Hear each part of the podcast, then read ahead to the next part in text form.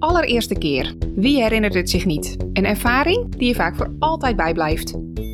Iedereen heeft wel een verhaal bij zijn eerste keer. De eerste keer op reis wel te verstaan en alle eerste keren die daarmee gepaard gaan. Die eerste keer schade met je zelf omgebouwde campervan. Die eerste keer wild kamperen in plaats van een plekje op de camping. De eerste keer heimwee, voor het eerst die klop of de eerste keer terug naar huis of juist nooit meer weg willen. Van Verhalen presenteert daarom de Eerste Keerkast. In deze serie spreken we bus- en camper-eigenaren over hun eerste keren in hun huis op wielen. Met in deze aflevering Frank, en Ella. welkom bij de Eerste Keerkast. Een fanlifestyle en reispodcastserie waarin bus- en camperreizigers de vaak avontuurlijke verhalen vertellen over hun reis eerste keren. In deze aflevering hoor je het verhaal en de ervaringen van Frank en Ella. 2,5 jaar woonden ze fulltime in hun zelfbouw Renault Master L2H2 campervan uit 2005. Tijdens het reizen door Europa beleefden ze de nodige eerste keren. Laten we beginnen bij het begin. Hoe was jullie eerste keer weg? Wij gingen in alle haast weg, want onze bus zou voor de APK gaan en de garage hield zich niet aan de afspraken.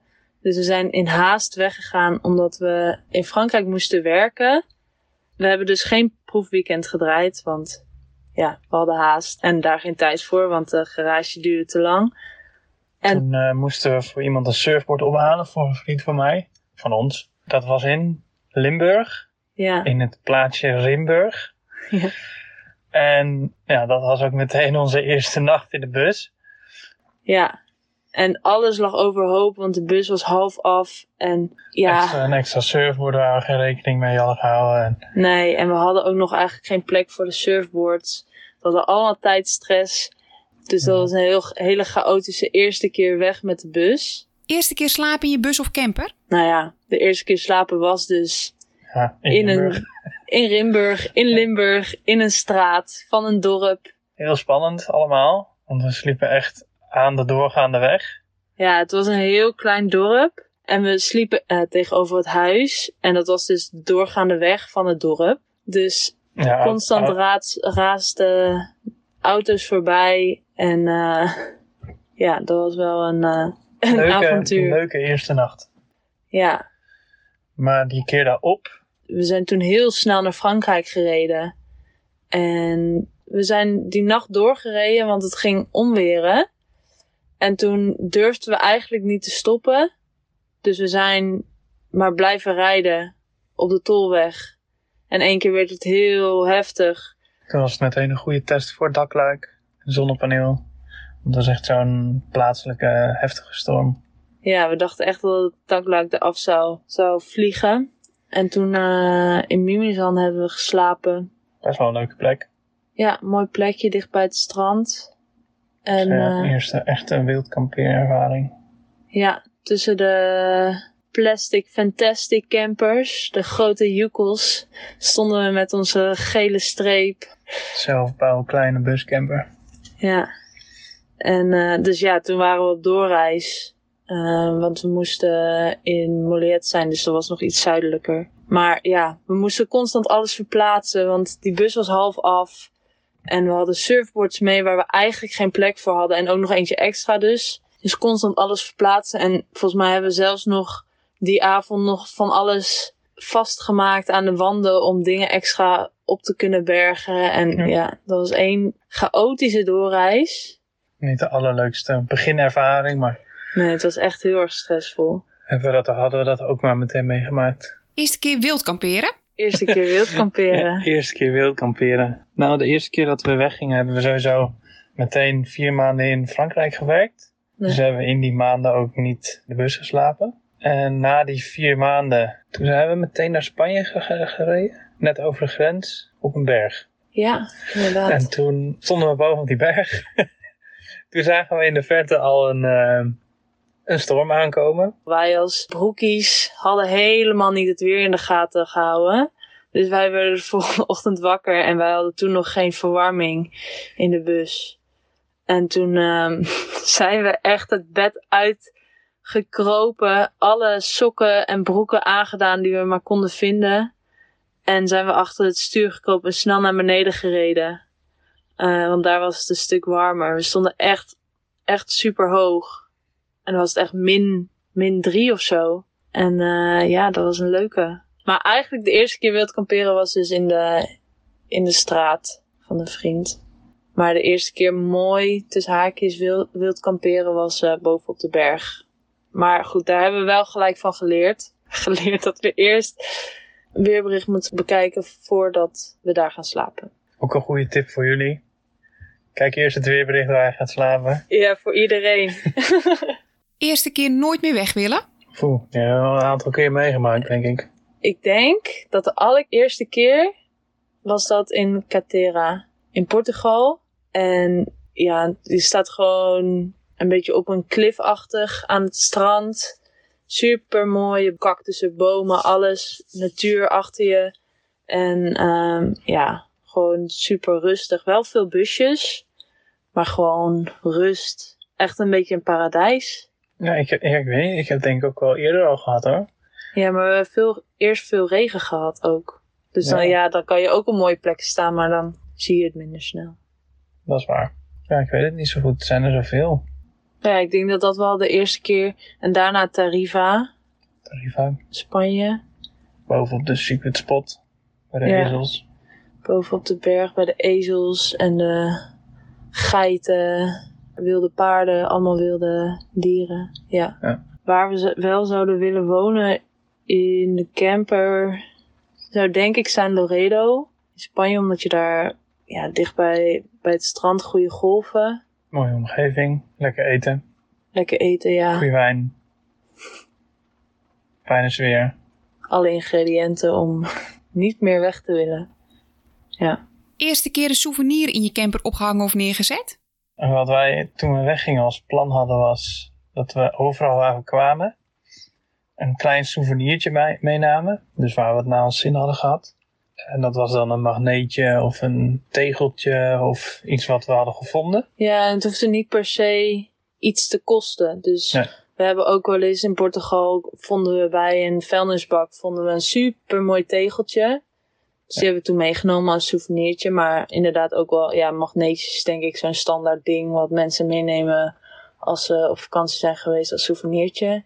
Dus die wel veel. En het plan in de eerste instantie daarmee was om dan als we thuis kwamen, dat we dan een soort grabbelton zouden maken voor iedereen. Dat iedereen dan een stukje van onze reis thuis ook had. Ja. Maar toen kwamen we thuis en toen zagen we al die souvenirs die we hadden gekocht. Toen wouden we toch eigenlijk stiekem wel zelf houden. En Ja, en onze reis is ook in soort van in verschillende delen geweest. Dus elke keer lieten we weer wat achter in Nederland. In een van de verhuisdozen. En toen eh verhuisden we naar een huis en toen vonden we alle souvenirtjes weer. Toen dachten we, nee, dit gaan we echt niet, niet aan iemand geven. Nee. bracht zoveel herinneringen op. En verder, ja, Kijk even rond in de bus nu of we daar nog een keer wat hebben opgehangen. Maar volgens mij hebben we af en toe wel eens een, een postkaart of zo. Een leuke kaart die we ergens hadden gekocht. Opgehangen, zoals in, in Lissabon of ja. ergens anders hebben we die dan opgehangen in de bus. Maar die, Ja, en we zijn op een gegeven moment begonnen met Polaroids maken. Ja. Met mensen die we onderweg ontmoeten. Of mooie plekken waar we stonden ook als een soort van souvenir. En daar hebben we de datum opgeschreven. En die hebben we een tijd lang in de bus gehad. En die zijn nu verhuisd naar het huis. Ja, dat heeft altijd in onze bus gehangen. Ja. Allemaal souvenirs. in. En bij elke foto was ook een verhaal. En dat vonden we super leuk. Ja. Dus ik denk dat dat echt misschien wel de eerste bewuste souvenirs waren die we ophingen in de bus. Eerste keer niet blij met je slaapplek? Oh ja, dat, ik, de- ik denk dat we allebei dezelfde daarvan hebben. Dat was eigenlijk pas na een jaar. En dat was in eh, San Sebastian. En in eerste instantie vonden we het prima. Eh, we gingen lekker naar de stad, lekker eten. En ehm, toen kwamen we terug. En toen zagen we gelijk dat er iets mis was. Toen was er ingebroken. En ja, dat was wel even heftig. Ja. En eh, toen zat de angst er ook goed in. toen wisten we ook meteen niet meer zo goed waar we moesten slapen. Het was donker toen we aankwamen. Toen zijn we naar de politie geweest. En toen zijn we urenlang eh, rond gaan rijden. Ja. Om maar te zoeken naar een plek. Maar niks voelde meer veilig. Nee. En we konden ook niet meer naar een camping. En toen werd het licht. Toen zijn we gaan slapen. En toen werden we weer wakker. En toen zijn we naar een camping gegaan. Voor het eerst. Voor het Ja. eerst hebben we betaald voor een plek toen. Na een jaar. Ja, en sindsdien hebben we altijd gezegd, als een van ons zich niet goed voelt op een plek, gaan we doorzoeken. Ja, dat Of was daarvoor al wel. Maar daarvoor hadden we eigenlijk nooit dat gevoel gehad. Nee. En nu, nadat dat was gebeurd, was het wel voor het eerst dat, het, eh, dat we ons enigszins onveilig voelden in de bus. Het heeft nog best wel een tijd geduurd voordat het wegging. En ik denk dat het altijd in ons achterhoofd zou blijven. Maar ja, dat was, we waren gewoon op de verkeerde plek. Met het verkeerde kenteken. Had al overal kunnen gebeuren in principe. Maar we, zijn, we willen nu wel, bij grote steden gaan we sowieso een camping zoeken. En ehm, geen gratis plaatsen meer. Eerste keer schade? Wij hebben zelf nooit schade gereden. Afkloppen. Wij hebben zelf nooit schade gereden. Maar er zijn wel meerdere keren eh, kastjes open geknald. In bochten, op rondondes, door het remmen. Eh, rauwe eieren die stuk zijn gegaan. Honingpot die kapot knapte. Nou ja, noem het maar op. Alles wat je niet wil dat kapot ging, ging, Ging toen kapot. Ja, en in het begin hadden we een, ehm, hadden we een raam achter. Die was van plastic, maar die, eh, die lekte. En eh, volgens mij hebben we echt 30 keer een nieuwe kitlaag ertussen gedaan, maar het bleef maar gaan. En- Maar er zat aan de bovenkant was het lek, maar aan de andere kant ging het er weer uit. Dus het stroomde er ook weer uit. Ja, dat was dan wel weer fijn. Maar goed, wel veel vocht in de bus daardoor. En we hebben natuurlijk een keer gehad dat de ruitenwissers het niet deed. Op de snelweg. Oh ja. Toen ging het heel hard regenen. En toen eh, deed de ruitenwisser het niet. Ik kon niks meer zien. Er was laaghangende zon en hele harde regen. Toen stonden we eh, op een hele smalle vluchtstrook in een bocht. Met vrachtwagens die langs scheerden. Stonden we stil. Toen, eh, toen gingen we gewoon rijden. Langzaam. Konden het heel vaag allemaal zien. Eigenlijk alsof je een, ja, onder water kijkt eigenlijk. Zo leek het een beetje.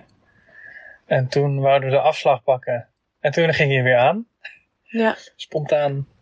En toen, eh, Toen begon het ook op een gegeven moment te stoppen met regenen. Dus toen zijn we gewoon eh, snel verder gereden. Eerste keer willen opgeven?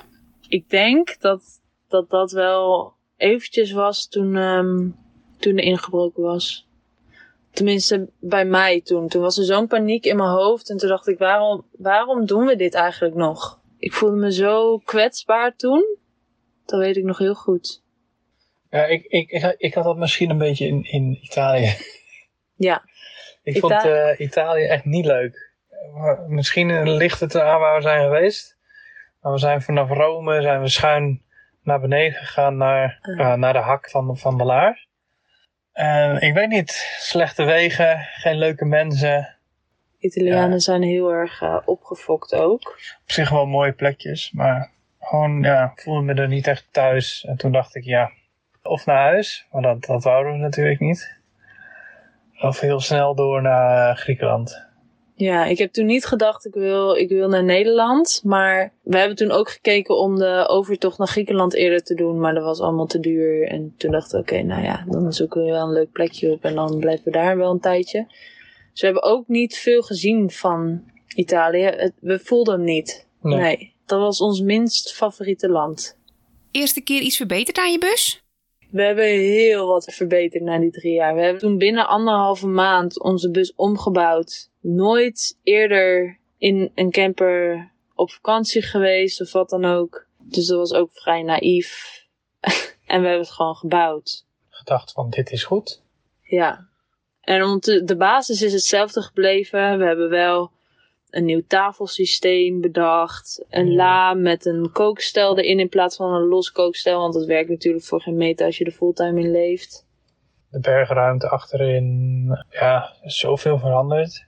Misschien op het eerste gezicht voor mensen misschien niet. Maar voor ons is er wel veel veranderd. Maar nu, na drie jaar, kunnen we wel zeggen dat het nu wel echt praktisch is. En zou, zou ik niet per se iets willen veranderen. En ik raad mensen ook niet aan om het achteraf veel aan te passen. Met bijvoorbeeld de dieselheater nog achteraf inbouwen. Ja, oh ja, die hebben we ook nog achteraf echt, eh, ingebouwd. Je, je, je hebt je bus al klaar en als je dan in die ruimtes die je hebt gebouwd iets nieuws moet maken, is dat echt een crime. vond Ja. ik. Ja, de dieselheater was wel echt eh, verschrikkelijk. Dus bedenk van tevoren goed uit hoe je dit wil. Ja. Nou, en sowieso, de eerste keer kan nooit perfect zijn. Nee, Een camperbus is nooit af, een zelfbouwcamperbus. nee dat is waar. Maar ja, doe je research. Dat zouden we iedereen aanraden. En geen tijdsdruk hebben. Want, nou ja, of gewoon een reële tijdsdruk. Ja. Dan is het geen tijdsdruk meer trouwens. Maar Neem inderdaad de tijd. ja, In deze eerste eerste keerkast hoorde je het verhaal van Frank en Ella. Benieuwd naar de gezichten bij het verhaal? Vind ze op instagram.com slash webuildacamperfan. Benieuwd naar ons, Floor en Thijs? Wij zijn instagram.com slash van verhalen. Vond je dit een leuke aflevering? Benieuwd naar nog veel meer fan- en camperlei verhalen of onze reguliere Van Verhalen reis- en fanlifestyle podcast? Vind Van Verhalen in je favoriete podcast app, abonneer je, volg ons, luister alles terug en mis geen volgende aflevering. Luister jij nu toevallig via Apple Podcasts en spaar jij toevallig karmapunten? Laat dan vooral een leuk berichtje en wat sterren bij ons achter. Dit zorgt ervoor dat wij nog iets beter gevonden worden en onze verhalen nog iets beter kwijt kunnen. Leuk dat je luisterde en tot de volgende.